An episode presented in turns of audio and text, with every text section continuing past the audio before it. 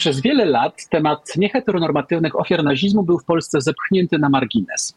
Właściwie do dzisiaj tak jest, choć się jednak w tej kwestii powoli coś zaczęło zmieniać i to za sprawą jednej osoby. Odważnej i bardzo upartej historyczki, która nie dała się zepchnąć z drogi ku postawionym sobie celom. A głównym z owych celów było opowiedzenie o tych, których próbowano zepchnąć w niepamięć, których lekceważono, którymi tak na dobrą sprawę pogardzano. A o kim mowa? Już za chwilę zapytam o to moją gościnię, dr Joannę Ostrowską. Zapraszam do rozmowy. Mike Urbaniak.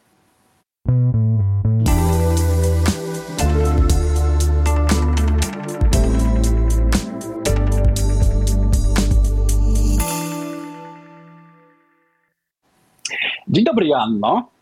Dzień dobry. Słyszymy się, łącza, ma, łącza mamy dobre.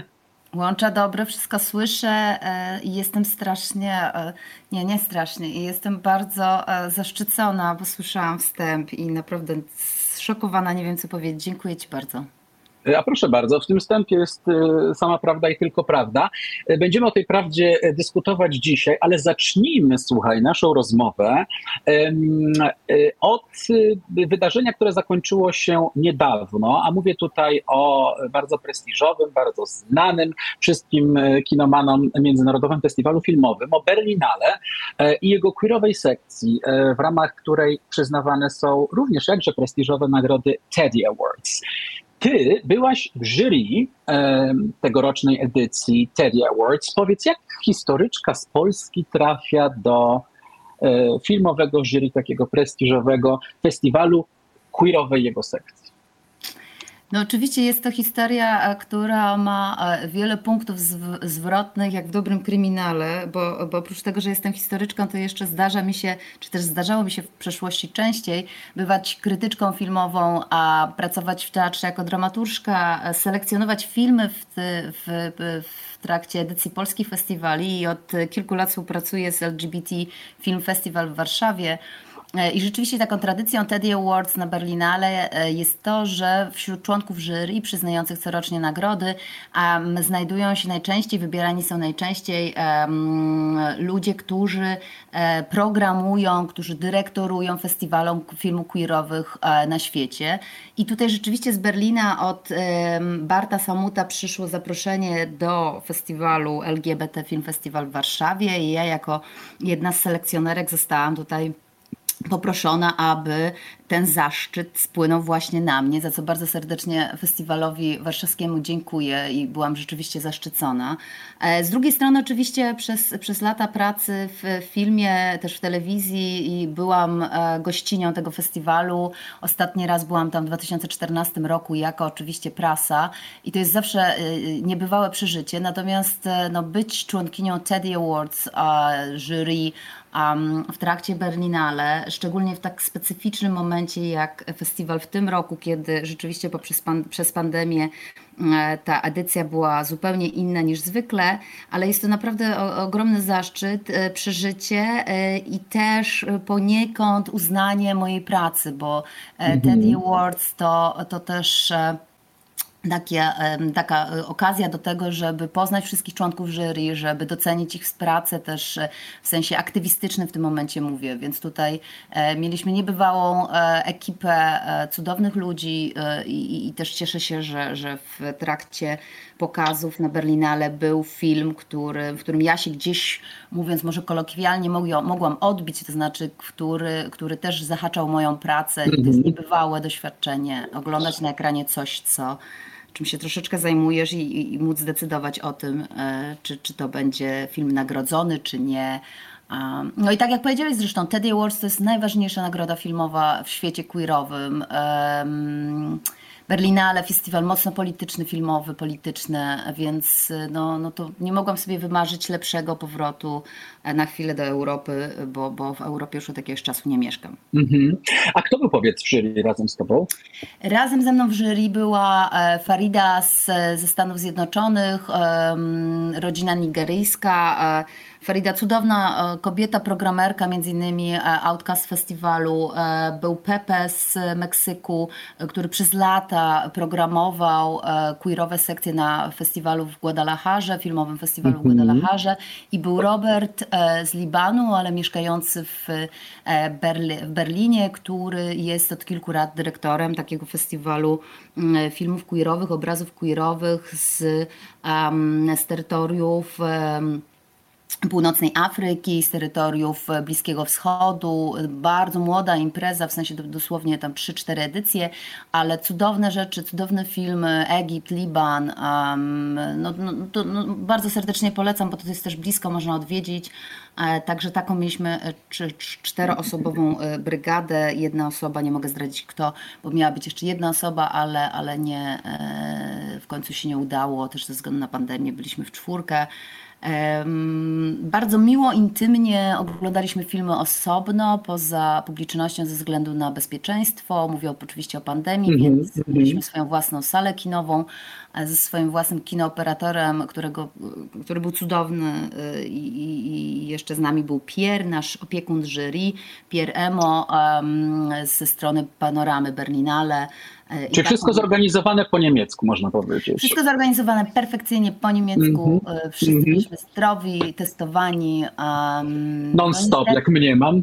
Non-stop. Mm -hmm. Niestety nie było tych słynnych imprezek e, Mm, Teddy, które, mm, które są znane i myślę, że kiedykolwiek ktokolwiek był na Berlinale, to na pewno trafił na e, zabawy Teddy wieczorem do białego rana i to są cudowne, cudowne e, sytuacje, w których poznaje się queerowych ludzi z całego świata. No teraz mieliśmy tylko raz taką, taką już po ceremonii takie spotkanie, ale też w bardzo ograniczonym mhm, zakresie ze mhm. względu na pandemię.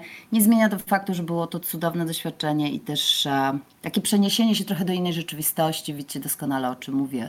A propos no tak, ale wiesz, bo to jest bardzo ciekawe, mm, e, tak sobie myślę, zawsze takie spotkania w takim międzynarodowym gronie są ciekawe dla, mm, e, e, no dla wszystkich są ciekawe, bo się wymieniamy po prostu zupełnie innymi spojrzeniami na świat, ale myślę, że to jest, jak ty, jak, jak ty właściwie mm, co, co wyniosłaś, o tak może inaczej sformułuję mm. to pytanie, z tych spotkań z ludźmi spoza naszego, powiedziałbym, kręgu kulturowego, prawda? Bo my się, jesteśmy w Polsce, tak. ty zresztą, o czym zaraz powiemy, zajmujesz się bardzo intensywnie e, Polską, czy też Europą Centralną, czy w ogóle Europą, więc za, e, też inaczej patrzymy, inaczej oglądamy różne filmy, prawda? Te same historie oglądamy inaczej. Rozumiem, że to spotkanie e, z, z ludźmi z różnych kontynentów, z różnych kultur daje coś ekstra w tych rozmowach e, o tych filmach. I zaraz przejdziemy do tego filmu, e, który już zahaczył zobaczyłaś, który został nagrodzony, ale powiedz, powiedz, co, co, co, co sobie z tego zabrałaś? Coś cię zaskoczyło w tych rozmowach te, y, y, w tym międzynarodowym gronie? To, to, co mnie zaskoczyło najbardziej i co było cudowne i też jakoś bardzo wzruszające, e, to to, że rzeczywiście w tym roku po pierwsze mieliśmy ogromną ilość e, filmów e, krótkich, esej, dokumentów, fabu, które były o kobietach, robione przez kobiety, mówię o nieheteronormatywnych kobietach i też, co było naprawdę zaskakujące, ale też takie dające ogromną energię i siłę, to to, że wszyscy, mimo że tak jak mówisz, pochodzimy z bardzo różnych kultur, mamy różne doświadczenia z różnych miejsc na świecie, i, I tak jak wymieniałam, czy, czy doświadczenia e, i, i, biografia Faridy, czy, czy Roberta, no to urodzisz się w jednym miejscu z, z, różnych też politycznych przyczyn, zaczynasz mieszkać, funkcjonować w innym, zmieniasz to swoje życie, ale mimo wszystko gdzieś na końcu tego, po tych wszystkich doświadczeniach, gdzieś na końcu tej drogi spotyka, spotkaliśmy się w tym roku e, i zgodziliśmy się naprawdę bez żadnych praktycznie dyskusji i, i kłótni e, z tym, że te, że te filmy, że te tytuły nie o nieheteronormatywnych kobietach, kobietach, o queerowych osobach są o wiele, wiele lepsze, bardziej otwarte, e, progresywne e, w porównaniu do takich klasycznych już filmów gejowskich, prawda, które też mhm. znamy. Mm -hmm. Oczywiście tutaj ta sytuacja, jeśli chodzi o dystrybucję w Polsce jest zupełnie inna. Dziękujemy Outfilmowi, e, firmie dystrybucyjnej. Pozdrawiamy Outfilm, tak. Dokładnie. A za to, że w ogóle się starają i walczą o to, bo bez nich nie byłoby praktycznie nic. Polscy dystrybutorzy raczej nie przypadają za queerowym kinem, delikatnie to ujęłam. Mhm. Natomiast mimo wszystko, no to było jakieś takie bardzo odświeżające, że wiesz, że to już skończyło się to mówienie o tym, że kino ma być queer, że to chodzi o inkluzywność, tylko rzeczywiście to się zaczęło dziać na bardzo różnych poziomach. Zarówno tego, kogo się reprezentuje, ale też tego, jak się pisze te scenariusze. I to było cudowne, bo tak naprawdę nie mieliśmy, w ogóle nie mieliśmy problemu z, właśnie z tak zwanymi różnicami kulturowymi. To do nas było bardzo uniwersalne, trafiało do nas na różnych poziomach. Z drugiej strony też to, co było fascynujące dla mnie, bo zapytać mnie, co ja wyniosłam z tego, to oprócz tego, że mam e, bandę nowych przyjaciół i jakby posz, mhm. posz, poszerzyłam swoją sieć i to jest coś, co, jest, co też kojarzy mi się z moim byciem w, w tym świecie queerowym od samego początku, że po każdej takiej międzynarodowej imprezie, czy to jest ogromna konferencja aktywistów, czy to jest właśnie Berlinale i Teddy Awards, ta sieć się zaciśnia, my się, zacieśnia, my się wszyscy zaczynamy znać, zaczynamy sobie pomagać, teraz nawet ze względu na to, co się dzieje na Ukrainie, ja od razu jakby dostałam od nich wsparcie z pytaniem, jakby czy są w stanie jakkolwiek pomóc, więc jakby czujesz się, może to jest naiwne, ale czujesz się odrobinę bezpiecznie, że masz jakby jakąś taką międzynarodową sieć, która um, które jest w stanie Cię wesprzeć. Z drugiej strony jest to też cudowne, że możesz siedząc na tej sali kinowej, um, nie wiem, oglądając z mojej perspektywy e, na przykład izraelski czy film um, ja ze swoim jakimś tam dorobkiem, doświadczeniem jestem w stanie im wytłumaczyć trochę więcej na temat tego, co jest pokazane na tym ekranie, a na przykład gdzie, gdzie, gdzie popełniono. No dodajmy, przepraszam, dodajmy, do, dodajmy tutaj na marginesie swoim dorobkiem, doświadczeniem, że jesteś wykształconą hebrajstką, skończyłaś hebraistykę tak, na tak. Uniwersytecie Warszawskim, więc to nie jest takie, takie sobie doświadczenie. No. E, mhm, do, dodaję, no. tylko będę robił przypisy od czasu do czasu. Dobrze, mhm. e, no więc, więc z jednej strony ja tutaj mogłam gdzieś tam być taką... Mm, pomocną ręką. Z drugiej strony jakby no niebywałe wsparcie, jeżeli chodzi o Roberta. Mieliśmy taki fascynujący film, który mam nadzieję, że wejdzie do dystrybucji w, w Polsce, Shall I Compare. To nie jest cały tytuł, on jest bardzo długi, więc używamy tylko tych pierwszych e, trzech wyrazów. E, egipska produkcja wykonana praktycznie, przeprowadzona w całości w Berlinie i w Europie, też ze względu na różne obostrzenia i kwestie polityczne. Fascynujący film i tutaj też Robert nas wprowadził w ten świat e, w takich niuansów, na które ja kompletnie bym nie zwróciła uwagi, bo po prostu nie znam tego, tego języka, tego świata, tego kodu. Mm -hmm, więc, mm -hmm. więc wiesz, na takim podstawowym poziomie to, to było też jakieś takie doświadczenie, które poszerzało nasze horyzonty. Ja wiem, że to brzmi bardzo, bardzo naiwnie, ale jednak e, czasami potrzebujesz takiego przewodnika, który gdzieś tam cię poprowadzi. Co kiedyś nie, no ja myślę, że poszerzanie horyzontów nie jest rzeczą naiwną e, e, w ogóle, zupełnie. Tak, to jest bardzo ciekawe właśnie, o czym mówisz, stąd też to moje pytanie, prawda, bo, bo nawet jeżeli w czymś się specjalizujemy, zajmujemy się długo, to jednak no, y, wiadomo, że dominuje w nas ten świat, w którym jesteśmy wychowani, czy w którym żyjemy, w którym mieszkamy i w tym sensie takie spotkanie właśnie, chociażby tutaj z tym queerowym kinem, o, czym mówisz, z bardzo różnych, y, y, powiedziałbym, tradycji, kultur i, i tak dalej, no jednak poszerza nasze rzeczy i bardzo często jesteśmy, jesteśmy zaskoczeni właściwie na przykład czymś, prawda, bo to, o czym mówisz, nie zdawaliśmy tak. sobie z tego sprawy. Ale wiesz, powiem, że uśmiechnąłem się trochę, kiedy przeczytałem, że został nagrodzony e, przez Was, e, przez e, jury Teddy Awards, film pod tytułem Nelly and Nadine Magnusa Gertena. To jest szwedzka produkcja, o ile tak. dobrze, o ile nie konfabuluję, o ile dobrze sprawdziłem, który to film opowiada historię właściwie dwóch zakochanych w sobie, rozumiem, zakochanych w sobie e, kobiet, które poznały się w obozie koncentracyjnym w Ravensbrück.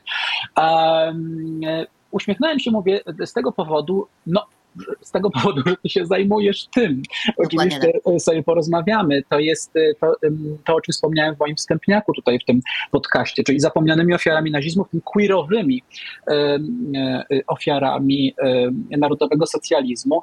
Pomyślałem sobie, kurczę, tylko wydelegowali Ostrowską do jury i już nagrodzony jest film e, o więźniarkach w obozie koncentracyjnym. Powiedz proszę słów kilka o tym nagrodzonym obrazie to jest dla mnie, od tego zaczęłam, że to jest dla mnie tak naprawdę też takie doświadczenie, które jest bardzo wzruszające, bo jakoś gdzieś tam widzę, że ta nasza praca queerowych historyków związanych właśnie z zapomnianymi ofiarami nazizmu, z badaniami holokaustowymi II wojny światowej, mm, no, no, że jakoś tak nawet wiesz, jakby jak weszłam do kina i wiedziałam, że będziemy to oglądać, przyczekałam na ten tytuł najbardziej, to jakoś to już było dla mnie wzruszające. Ale Mhm. oczywiście miałam gdzieś z, z tyłu głowy, że, że być może po prostu to będzie interesujące tylko dla mnie, albo że, że ta wojna, którą będę musiała stoczyć z resztą y, y, członków jury, może po prostu być wojną przegraną. Aczkolwiek. em, Film jest fascynujący nie tylko ze względu na samą historię, którą już przytoczyłeś, bo Nelly i Nadine rzeczywiście poznały się, to jest Boże Narodzenie 1944 roku w obozie kobiecym Ravensbrück. Były tam ze sobą wspólnie przez e, dosłownie e, kilka miesięcy następnie e, Nelly została przewieziona do Mauthausen, więc one jakby się rozstały na dobre kilka lat, znalazły się po wojnie, więc to uczucie z tego co wiem oglądając film Gertena mm, jakby było potężne, tak?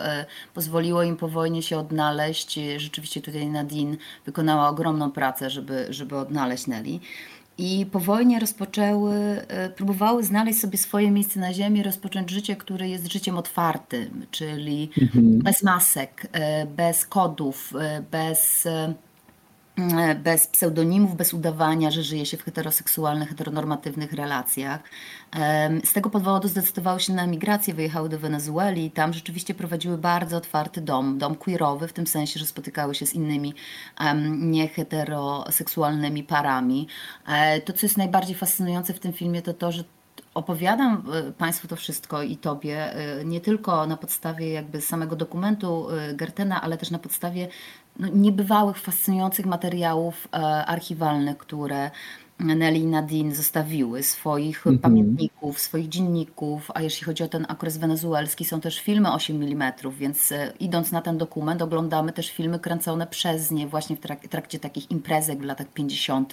w Wenezueli, w własnym domu, kiedy ci nieheteronormatywni ludzie, którzy odwiedzają je, zachowują się całkowicie otwarcie, okazują sobie uczucia, emocje. No to jest taki materiał, że naprawdę łapiecie za gardło, nie jesteś w stanie przejść obok tego obojętnie.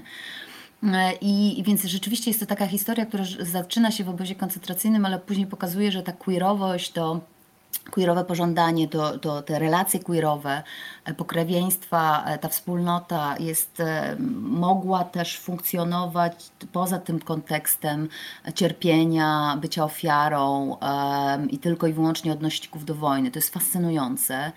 Wszystko zaczyna się, bo od tego powinniśmy zacząć, wszystko zaczyna się od e, innego materiału wizualnego, który Magnus Gerten e, zlokalizował w, w archiwach w Malmo. On zresztą stamtąd podchodzi. To jest taki materiał, który akurat w Polsce może być znany, bo chodzi o tą akcję białych autobusów, które, wy, wy, które wywoziły, szwedzkich białych autobusów, które wywoziły więźniarki Ravensbrück między innymi e, do Szwecji już w ostatnim okresie wojny, żeby je uratować. Jest chyba książka reporterska o tym, Tak. prawda? Czy, czy coś tak, mi się tak. pomieszało? Tak mi teraz Tak, tak. coś w. Mhm, Jak no właśnie. najbardziej. I, I tam się zachował też taki materiał e, wideo nagrany w momencie, kiedy, e, kiedy te kobiety przyjeżdżają do Szwecji, kiedy wysiadają w Malmo i Gerten przez lata, bo to jest jego praktycznie e, kolejny już dokument dotyczący właśnie tego epizodu w historii jego miasta rodzinnego.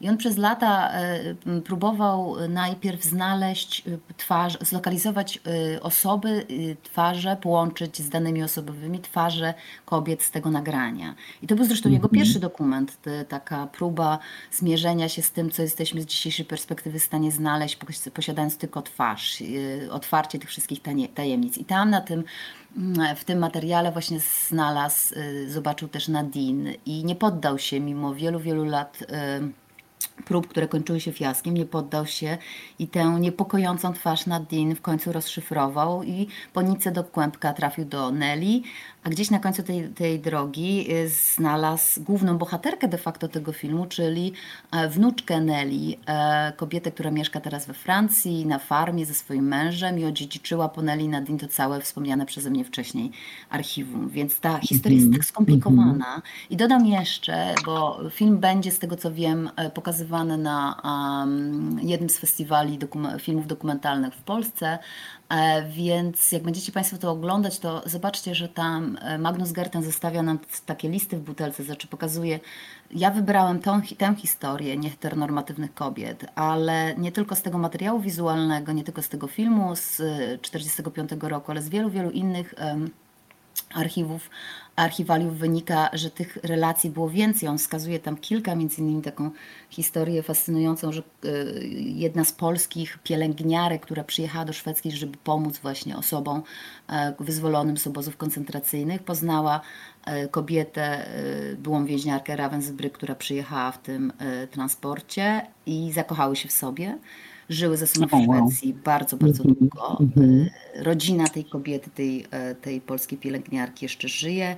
Gerten też miał z nią e, kontakt, więc te historie pączkują, jest ich bardzo, bardzo dużo i Nelly Nadine nie jest wyjątkowa w tym w sensie liczb, tak? Więc to też zmienia bardzo mocno, pokazuje to, o czym ja pisę, próbowałam pisać w swoich książkach też, ale... Mm, pokazuje, że ten, te drzwi tej historii e, związane z queerowością, bez względu na to, jak długo nam wmawiano, że nie ma źródeł, e, że nie da się tego robić, że nie da się tego opowiadać, że to wszystko było kłamstwo. No i że to wszystko jest w ogóle marginalne i właściwie że to wszystko jest marginalne, niezbyt ważne. Mhm. Dokładnie, dokładnie. Mhm. Więc tutaj to mhm. wszystko jakby no działa film, działa dokument, działa festiwal, więc to idzie jakby odbiór jest o wiele szerszy niż w, w, w przypadku książki.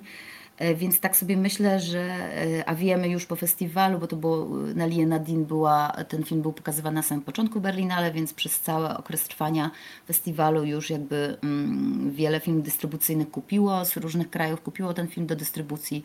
Miejmy nadzieję, że on również trafi do dystrybucji w Polsce, poza tylko pokazami festiwalowymi. No właśnie, jest, właśnie, no właśnie, to, to jest możliwe.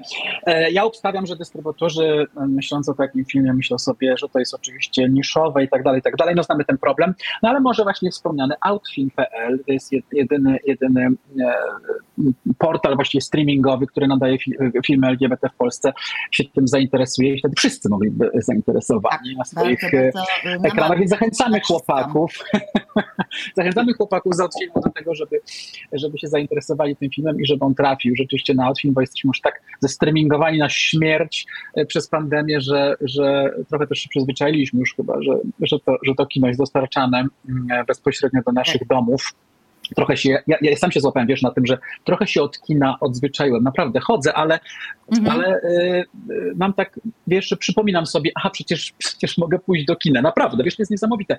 Rozmawiałem z, z, z, z różnymi znajomymi na ten temat, oni mają podobnie.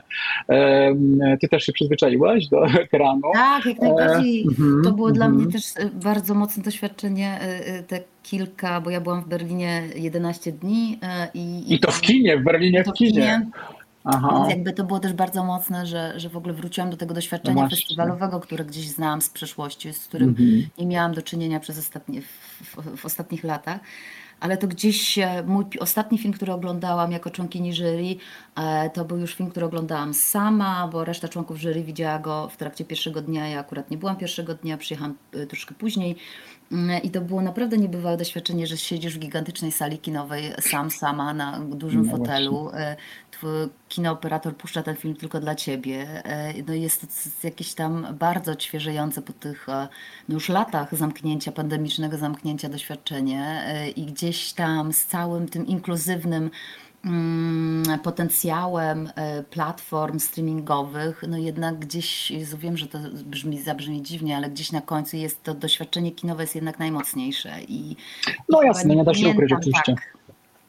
Nie, nie, będę pamiętała tak tych filmów streamingowanych jak, jak te w Berlinale, ale wiesz, to, to jest to, o czym rozmawialiśmy wcześniej, że dochodzi jeszcze to doświadczenie samego Berlina, samego festiwalu, tego, że rzeczywiście e, ludzi cieszy to, że jest ta sekcja queerowa, że ma swoją własną historię, że jest niby w, wewnątrz festiwalu, troszeczkę z boku, więc nawet jak wychodziliśmy na kawę, wyskakiwaliśmy po, po w, trakcie, w trakcie festiwalu, to gdzieś słyszeliśmy za sobą Teddy Steadies, um, więc ludzie wiedzieli, co jest cudowne, cudowne. Mm-hmm.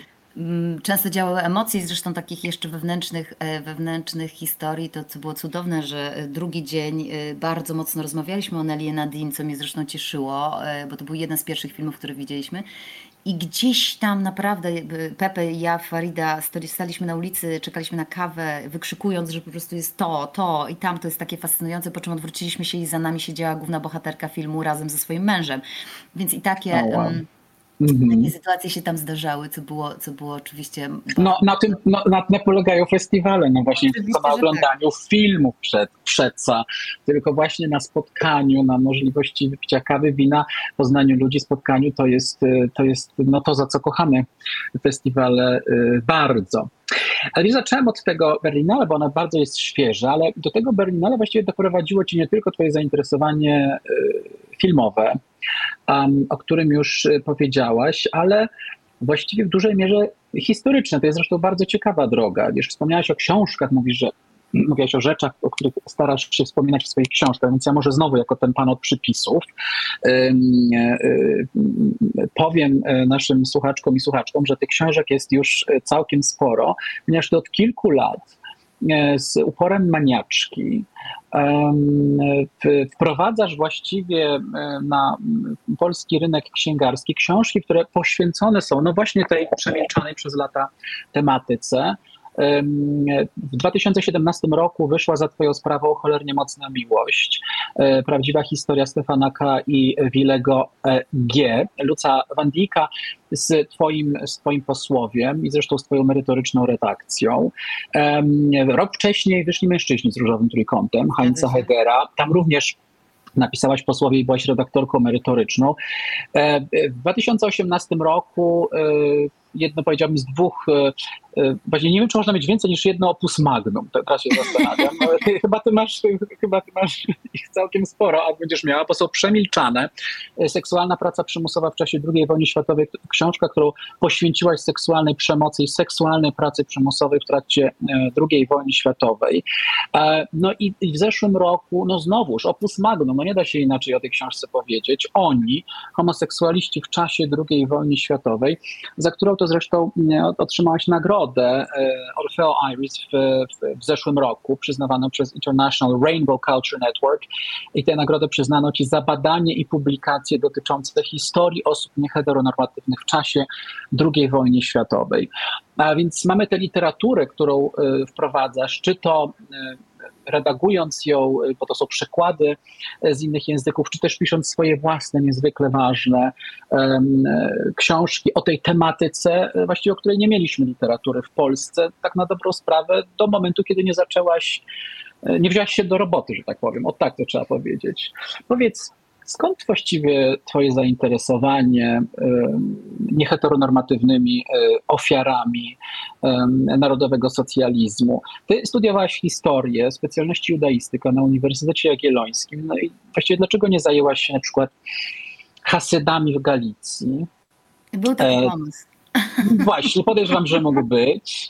A dlaczego nie zajęłaś się, nie wiem, zupełnie inną tematyką tej materii? Dlaczego, jak to się stało właściwie, że um, zaczęłaś się zajmować tą tematyką i jesteś dzisiaj właściwie główną badaczką w Polsce, e, jeżeli chodzi o ten tak. temat? No i jedna z najważniejszych osób na świecie dzisiaj badających e, tę tematykę. Z jakiego powodu? Jak to się stało, powiedz? No gdzieś tam na początku y, y, tej całej drogi była, to też pewnie zabrzmi, dzisiaj jak sobie o tym myślę, to zabrzmi, może to brzmi pretensjonalnie, ale taka mhm. jest prawda, to znaczy gdzieś na samym początku był Borowski u nas w Auschwitzu i ten fragment, mhm. który gdzieś mi tam dzwonił w głowie od samego początku, słynny fragment z, o Romeach i Juliach w obozie i o tym dziwnym um, trochę tajemniczym budynku bloku 24, 24A i pierwsze piętro, czyli obozowy dom publiczny w KL Auschwitz 1 przy głównej bramie po lewej stronie. E, I rzeczywiście jakoś e, miałam to w głowie od samego początku, już jak czytałam e, Borowskiego w, w szkole średniej. I gdzieś rzeczywiście na studiach, kiedy przyszło do tego, żeby decydować o tym, czym, czym, czym powinnam się zajmować, ja gdzieś tam czułam w kościach, że chciałabym zostać na uniwersytecie, jakoś tam rozumiałam misję bycia, czy próbę zostania e, akademiczką. Na takiej zasadzie, rzeczywiście wybierasz te, e, te tematy i te badania, te kierunki badawcze, które są w jakiś tam sposób niereprezentowane, że szczególnie jeśli chodzi o nauki historyczne, że to są tematy, które się właśnie otwiera, które się odgrzebuje w związku z tym zdecydowałam się, że ta przemoc seksualna w okresie II wojny światowej, która rzeczywiście w polskiej historiografii była praktycznie niereprezentowana i naprawdę używam bardzo delikatnej frazy, mm-hmm. um, że to jest jakiś taki punkt wyjścia dla mnie do, do rozpoczęcia badań, ale gdzieś tam już wtedy w tyle głowy kołatało mi, że ponieważ II wojną światową interesowałam się praktycznie od zawsze.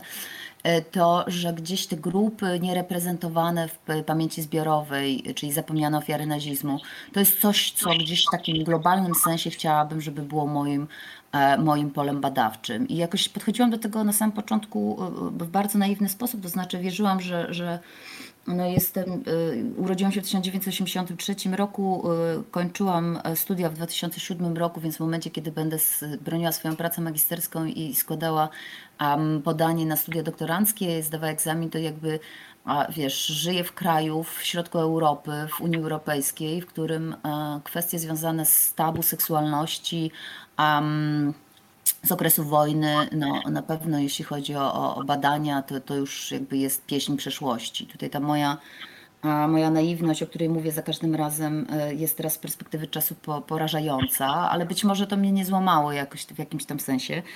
E, więc ja też wszystkie tematy gdzieś od 2005-2006 roku starałam się robić równolegle, to znaczy próbowałam odkopywać rzeczy, które gdzieś były zakryte, szukać najpierw oczywiście w opracowaniach, co robi się zawsze, a następnie jakoś um, skoncentrowałam się na, na pracy archiwalnej. Teraz z perspektywy tych e, kilkunastu lat widzę, że gdzieś tam takim łącznikiem tych wszystkich kierunków badawczych, tych wszystkich moich bohaterów i bohaterek, no jest właśnie ta perspektywa e, queer studies, e, studiów nad odmiennością, nad grupami marginalizowanymi, że nie da się też, więc traktuję wszystkie te książki jako naczynia połączone, że nie da się też pisać tej historii wykluczenia, zajmując się na przykład tylko jedną grupą, że to te wszystkie biografie przelewają się, to znaczy łączą się. Mam bardzo dużo bohaterów i bohaterek, którzy należą do różnych grup, którzy byli prześladowani z bardzo różnych powodów, których doświadczenia powojenne są często bardzo, mm, bardzo podobne. Oni się często też spotykają e, ze sobą w sensie wręcz dosłownym, tak, żeby, żeby jakoś przetrwać te, te, te momenty prześladowania. Więc gdzieś tak, już dzisiaj z tej perspektywy kilkunastu lat myślę sobie, że, że to się gdzieś po, poukładało bardzo w taką narrację o taką queerową narrację w bardzo szerokim, inkluzywnym sensie, że wszystkie te, te tematy i książki, które wy wymieniłeś, to była też taka moja droga do queerowania mojego własnego myślenia o tym, czym jest praca historyczki, czym są badania historyczne. Ja uważam, że to jest, i powiem to wprost, że to jest naprawdę niemożliwe y, zrozumienie tego konfliktu zbrojnego, czy polityki społecznej, czy historii społecznej XX wieku bez historii queerowej. I dalej tkwienie w takim, w takim przekonaniu, że to jest to, co powiedziałeś wcześniej, że to jest jakaś marginalna rzecz, jakiś marginalny wątek, jakaś niepotrzebny fragment, który można sobie robić gdzieś po godzinach, a nie zajmować się wprost, no, że to już jest naprawdę delikatnie rzecz ujmując passe. I um, tego mnie zresztą nauczyli historycy, historyczki z Niemiec, z Austrii, ze Stanów Zjednoczonych, z którymi przez te wszystkie lata współpracowałam. Wymieniłeś Luca Van Dijk'a, ale jest jeszcze wielu, wielu innych, e, wiele innych kobiet i mężczyzn, którzy, którzy mnie wsparli w tych, w tych latach, w kontrze do tego, co było, działo się w tym momencie w Polsce. Mhm. No ale właśnie jest to, y, to, to, to, wsparcie, powiedziałbym, no, rozumiem, było niezwykle potrzebne, bo, bo ta tematyka, e, którą, e, którą zaczęłaś się zajmować, jest tematyką, która już od no, do, dobrych e, lat, prawda, co najmniej co najmniej kilkunastu, a może i dłużej, prawda? Badana jest jednak e, tak. na Zachodzie, a w Polsce e, właściwie nie tylko uznawana za margines, e, o czym już tu napomknęliśmy, ale, ale też właściwie jako coś no, kompletnie niewartego właściwie tak. zajmowania się. Czy wyobrażam sobie, że, że w polskim też środowisku historycznym, w ogóle kiedy decydujesz się na zajmowanie się czymś takim, jesteś jakimś absolutnym dziwolągiem. Czy ty, czy ty miałaś takie poczucie właściwie? Oczywiście. Mhm. Mhm. Oczywiście, że tak. I to jest, e, rzeczywiście myślę, że to jest, zaśmiałam się, ale myślę, że to jest doskonały, słuchaj, no doskonały wybór słowa. To znaczy tak, no dziwolągiem, dziwolągiem ze względu, zarówno na zewnątrz, bo nie, nie wiem, no e, wyglądam troszeczkę inaczej niż stereotypowa, kliszowa e, historyczka, może to nie jest no, w ogóle badaczka, tak? E, a z drugiej strony też właśnie ze względu na wybory tematów i to było dla mnie, gdyby, mówiąc szczerze, gdyby nie wsparcie między innymi Roberta Zomera, bo to był pierwszy historyk niemiecki, który, e, który rzeczywiście wyciągnął do mnie rękę, wyciągnął do mnie rękę w takim momencie, w którym tego bardzo potrzebowałam, to znaczy już byłam na studiach doktoranckich, I, I, nadal próbowano mnie przekonać na polskiej uczelni, że nie jestem w stanie zrealizować swojego doktoratu, ponieważ nie mam źródeł, jeśli chodzi o pracę seksualną w obozach koncentracyjnych i w mhm. innych a domach publicznych dla, e, zarówno dla Niemców, jak i dla innych, e, dla mężczyzn innej narodowości w trakcie okupacji i w trakcie wojny. I rzeczywiście Robert wtedy, wtedy wsparł mnie w niebywały sposób, mówiąc mi, że jakby nie ma sensu się poddawać, że jakby co będę mógł zrobię, pomogę ci. Wtedy wsparła mnie też jeszcze przed egzaminem na studia doktoranckie, wsparła mnie dyrektorka, wspomnieliśmy dzisiaj, obóz Ravensbrücka proponali Nadine mhm. w Muzeum Ravensbrück Inza Eschebach. Więc to było takie momenty, wiesz, wręcz przełomowe, w których ja wiedziałam, że gdzieś tam to wsparcie mam, że nie robię rzeczy, e, które jakichś, nie wiem, kosmicznych, chorych e, czy, czy, czy dziwacznych właśnie. E, z drugiej strony też no tutaj, jeśli chodzi o takie porównanie też materiału, to znaczy jakby jakaś tam próba e, konfrontacji, e, też prośby o wsparcie merytoryczne, no to jest coś, co jest potrzebne, prawda? Więc e, z ich strony też dużo, dużo wsparcia, e, jeśli chodzi o tego typu rzeczy. Ja te, oczywiście ja też e, teraz w trakcie Berlinale spotkałam się z tymi wszystkimi moimi historykami, historyczkami, czy też częścią z nich. E, widziałam się z Robertem Zomerem, widziałam się z Karlem Heinzem Steinle, który jest taką symboliczną postacią, jeśli chodzi o historiografię, queerową historiografię w Niemczech. Był jednym z założycieli Schwules Muzeum w Berlinie. Mhm. I to jest też fascynujące, że my o tym rozmawiamy, że ta queerowa historia to jest też nasza historia jako badaczy, tak? takich właśnie tego, tego doświadczenia bycia dziwolągiem w większym świecie, prawda? I, e, I to też kiedyś e, każdy z nas będzie pewnie w jakimś tam sensie e, pisał, przepisywał i tak dalej, i tak dalej. Mhm. Mm, to się w Polsce oczywiście chyba w jakiś tam sposób nie zmienia, to znaczy ta, ta, ta to bycie dziwolągiem jakby nadal e, tutaj troszeczkę funkcjonuje. Choć e, mówiąc szczerze, te, szczególnie po publikacji Onych, e, tej ostatniej książki w kwietniu 2021 roku, dostałam też ogromne wsparcie od polskich historyków i historyczek, czy też to się wreszcie zaczęło, za co też im jestem bardzo wdzięczna i mam nadzieję, że to też zacznie, zacznie się zmieniać. Zresztą ta jedna książka, której jeszcze nie, nie wymieniłeś, Auschwitz, pamięć o nieheteronormatywnych ofiarach ofiarach obozu, to jest też tak, taka no tak, publikacja tak. Mhm. E, pod moją redakcją Aneta Lewicz-Kwiatkowskiej i Luca Wandajka i to książka, która wyszła najpierw po niemiecku, w tym roku wyszła po polsku, czy też w 2021 roku wyszła po polsku, tak powinnam powiedzieć. I to była też taka książka, którą próbowaliśmy połączyć polskich badaczy i, i niemieckich badaczy. E, I ona też już widzę, czuję, odczuwam, że też troszeczkę zmienia, w, jeśli chodzi o świat akademii, otwiera oczy ludzie coraz częściej też e, mówię o, o, całej społeczności akademickiej, od studentów na profesorach kończąc, ludzie powoli, powoli zaczynają rzeczywiście coraz bardziej się tym interesować i też e, myślę, że sytuacja polityczna w Polsce i to w jaki sposób osoby LGBT są prześladowane w Polsce wpływa też na to otwarcie oczu e, i a taką kropką nad i oczywiście było E, były słowa Mariana Turskiego, byłego więźnia między innymi e, Auschwitz-Birkenau, który zresztą poświęcił nam fragment, e, wstęp, napisał wstęp do tej książki Auschwitz, pamięć o nieheteronormatywnych ofiarach obozu.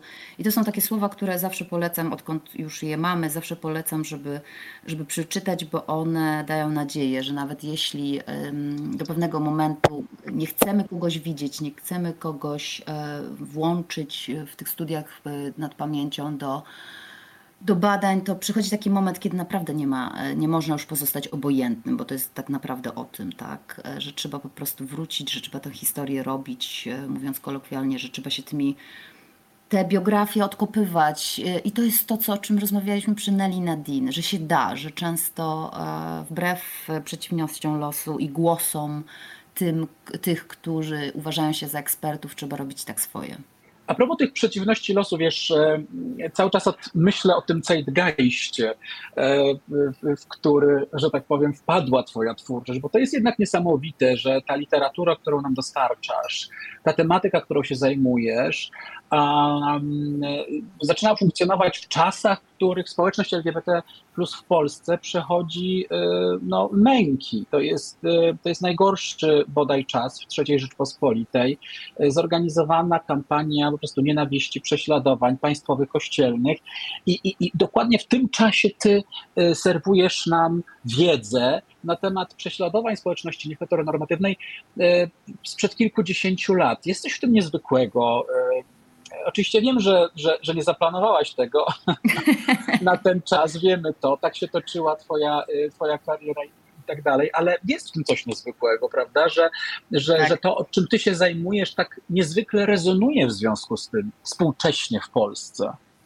Tak, i, i, wiesz, i z tego też powodu gdzieś tam w pewnym momencie zdecydowałam się, żeby, żeby z Polski się wyprowadzić, bo, bo z jednej strony jakby czułam, że, że, że to jest takie społeczeństwo, w którym będzie mi bardzo trudno na bardzo wielu poziomach. Ja też się czuję w, jakiś, w jakimś sensie um, częścią tej społeczności, mówiąc o społeczności LGBT, i, a, i gdzieś tam e, było dla mnie naprawdę trudne do zaakceptowania. Byłam w trakcie pisania onych e, i, jakoś naprawdę to po pierwsze nie są łatwe historie, jak się doskonale domyślasz i, i, znasz i wiesz. Po drugie, gdzieś tam y, ja mam taką zasadę, że chciałabym bardzo do końca zawsze zachować się fair i uczciwie w stosunku do moich bohaterów i bohaterek i wiedziałam, że potrzebuję o wiele świeższej głowy niż E, niż e, ta, jaką bym miała, gdybym została w Polsce. E, z drugiej strony to są te, te, te decyzje, o których rozmawiamy przez ostatnie kilka lat a propos właśnie wyjazdów, emigracji osób LGBT plus z Polski, że, że trudno jest coraz trudniej z dnia na dzień, z miesiąca na miesiąc jest żyć. Mhm. Ale a propos takiego rezonowania, mm, to też było fascynujące w tym roku w Berlinie, że też e, większość osób, z którymi się stykałam, pytało mnie właśnie, po pierwsze właśnie o tym, o czym rozmawialiśmy, to znaczy o kontakty, o tą taką pozagraniczną, e, więc transgraniczną współpracę, jeśli chodzi o, o, właśnie studia nad pamięcią, jeśli chodzi o, o historię XX wieku, e, o wsparcie. A z drugiej strony to, że właśnie pytano mnie głównie mm, o to, jak ta moja praca wpływa na społeczność LGBT plus w Polsce, nie tylko moja, innych mhm. też historyków mm -hmm. queerowych z, mhm. innej, e, z innych epok. Mamy ich niewielu, owszem, ale, jest, ale są i robią niebywałą robotę. Um, I tutaj wystarczy, że z, oprócz tych, tych, tych już bardziej znanych, Kamil Karczewski teraz e, będzie kończył doktorat na temat e, queerowej społeczności, głównie Warszawy z okresu przedwojennego. Mówię o, o II wojnie światowej, czyli przed II wojną światową. Matthias Voigt na Uniwersytecie, Freie Universität w Berlinie kończy swój doktorat o społecznościach queerowych, instytucjach, gazetach, klubach queerowych, gejowskich, lesbijskich, też w okresie przedwojennym. I tak bym mogła wymieniać te dwa nazwiska. To są mhm. też tacy ludzie, z mhm. którymi wreszcie mogę konsultować w języku moim um, swoje badania, więc też wychodzi nam na to, że, ta, e, że to jest też cudowne w badaniach e, i w queer studies, że ten XX e, wiek jest taką naszą taflą, na której pracujemy, że, że ten taki klasyczny podział i ta periodyzacja na to, że ktoś jest właśnie historykiem przedwojennym, czy tego okresu przedwojennego, czy wojennego, jakby tutaj kompletnie wywraca się do góry nogami. To jest też cudowne w tych, w tych badaniach queerowych, że gdzieś tam się łączymy, że ta współpraca jest tutaj taką kluczową osią. A, a gdzieś na końcu tej drogi y, to wszystko, co mówię przecież y, i też mam nadzieję, że, że to, co robię, wskazuje na to, że ta nasza praca jest też pracą aktywistyczną. Pytasz mnie o społeczność LGBT+, ja jakby... I to też dzięki tak naprawdę Klausowi Müllerowi, którego wszyscy Państwo możecie kojarzyć z fenomenalnego filmu Paragraf 175, dokument Roba Epsteina i Jeffrey'a Friedmana. To była główna nagroda na festiwalu w Sundance w 2000 roku i to jest dotychczas najważniejszy film o, o paragrafie 175 penalizującym relacje homoseksualne, relacje seksualne między mężczyznami w nazistowskich Niemczech i przed um, i w którym jeszcze żyli i, i, byli świadkowie. Klaus Müller jest tam e, taką, takim badaczem młodym, który przeprowadza nas przez tę historię i to jest też jeden z takich moich dobrych duchów, który wsparł mnie wielokrotnie.